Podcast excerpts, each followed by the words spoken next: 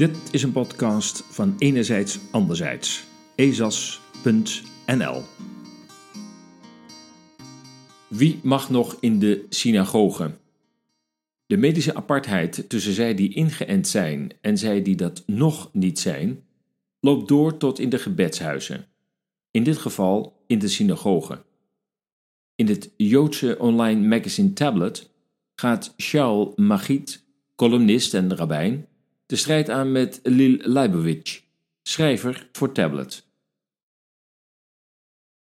Toegangsverbod in strijd met de kern van het Joodse leven. Citaat. Elke gemeente die maatregelen neemt waardoor een Jood op de dagen van ontzag niet kan bidden, ontdoet zich van de kern van het Joodse leven. Einde citaat.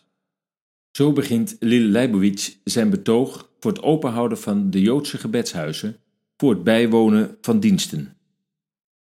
Shell Magid, verbonden aan het Fire Island synagoge in New York, repliceert, citaat, Als rabbijn ontneem ik de zieke de kern van het Joodse leven, als ik zeg dat zijn of haar aanwezigheid een bedreiging vormt voor het algemeen welzijn? Nee. Einde citaat.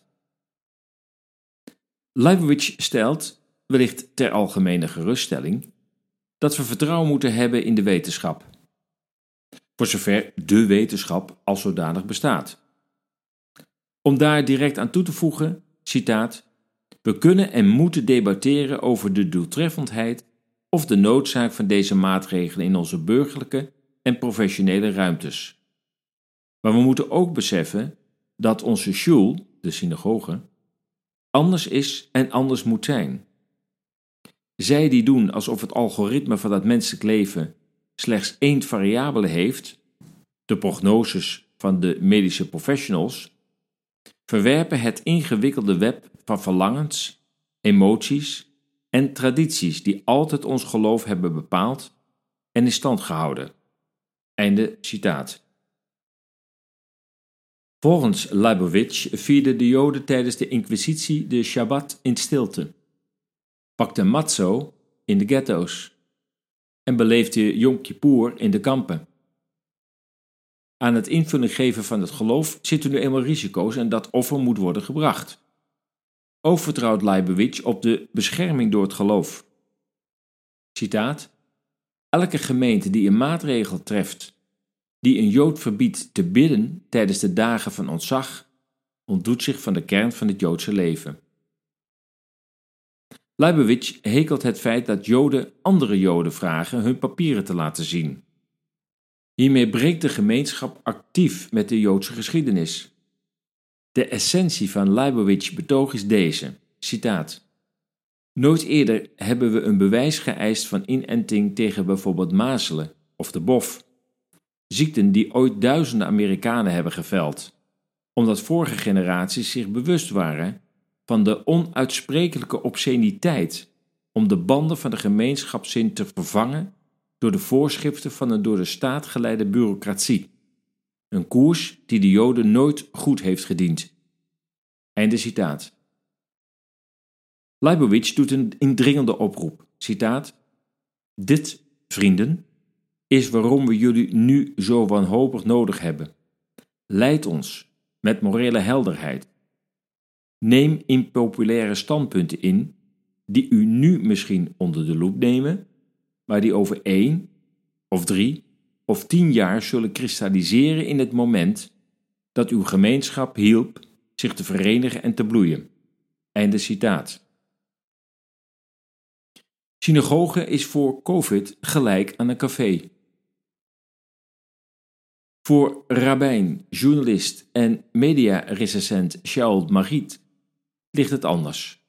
Volgens Mariet zijn synagogen niet anders dan cafés en andere plekken waarvoor beperkende toegangsvoorwaarden gelden, zoals het tonen van de bewijs van een inenting. Magiet ziet in zijn omgeving in New York de nodige slachtoffers van COVID en besloot nog een stap verder te gaan. Naast het bewijs van inenting moeten de bezoekers ook mondkapjes dragen. Kinderen en hun ouders kunnen de dienst bijwonen op het achterdek en dat is buiten. Het is duidelijk dat veiligheid of vermeende veiligheid voor Majid belangrijker is dan het recht op geloofsuitoefening.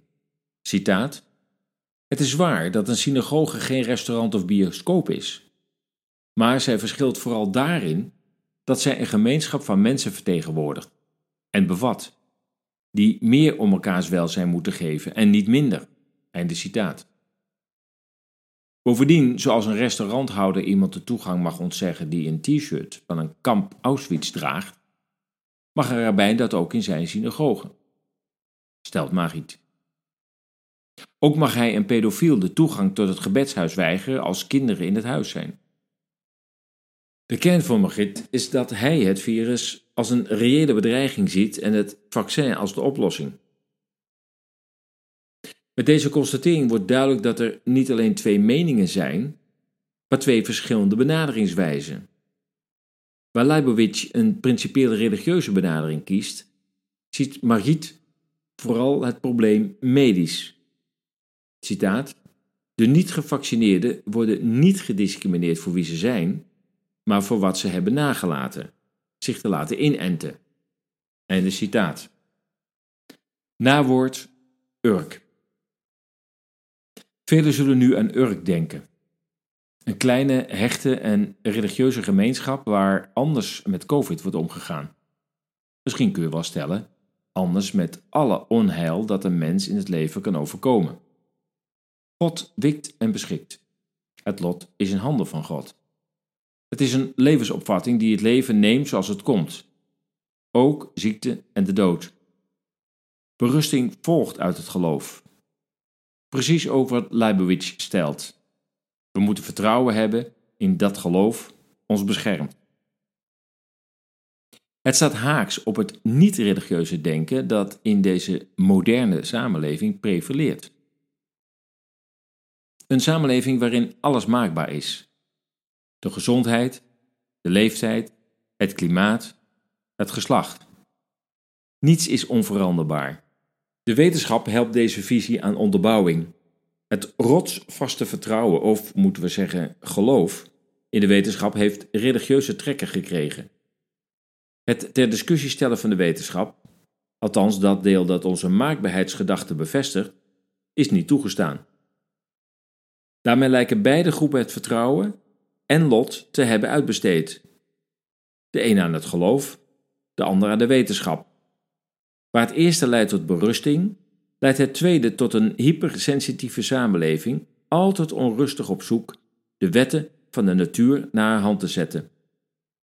Ondertussen lijkt het leven in Urk haar normale gang te gaan en het virus niet meer invloed te nemen dan elders, waar de maskers voorgaan en de afstanden groter zijn dan anderhalve meter.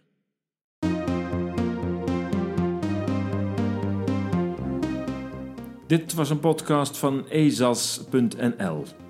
Waardeert u ons werk? Bezoek dan onze donatiepagina op onze website en help ons met een eenmalige of een periodieke donatie. Dank voor uw ondersteuning. Enerzijds, anderzijds, zoek naar nieuwe inzichten in actuele thema's. De massamedia die lang werden vertrouwd, hebben dat vertrouwen bij velen verloren. Enerzijds, anderzijds wil met haar berichtgeving meer balans brengen in actuele onderwerpen. Lees onze berichten en artikelen op ezas.nl. Laat ons uw mening weten en deel onze artikelen.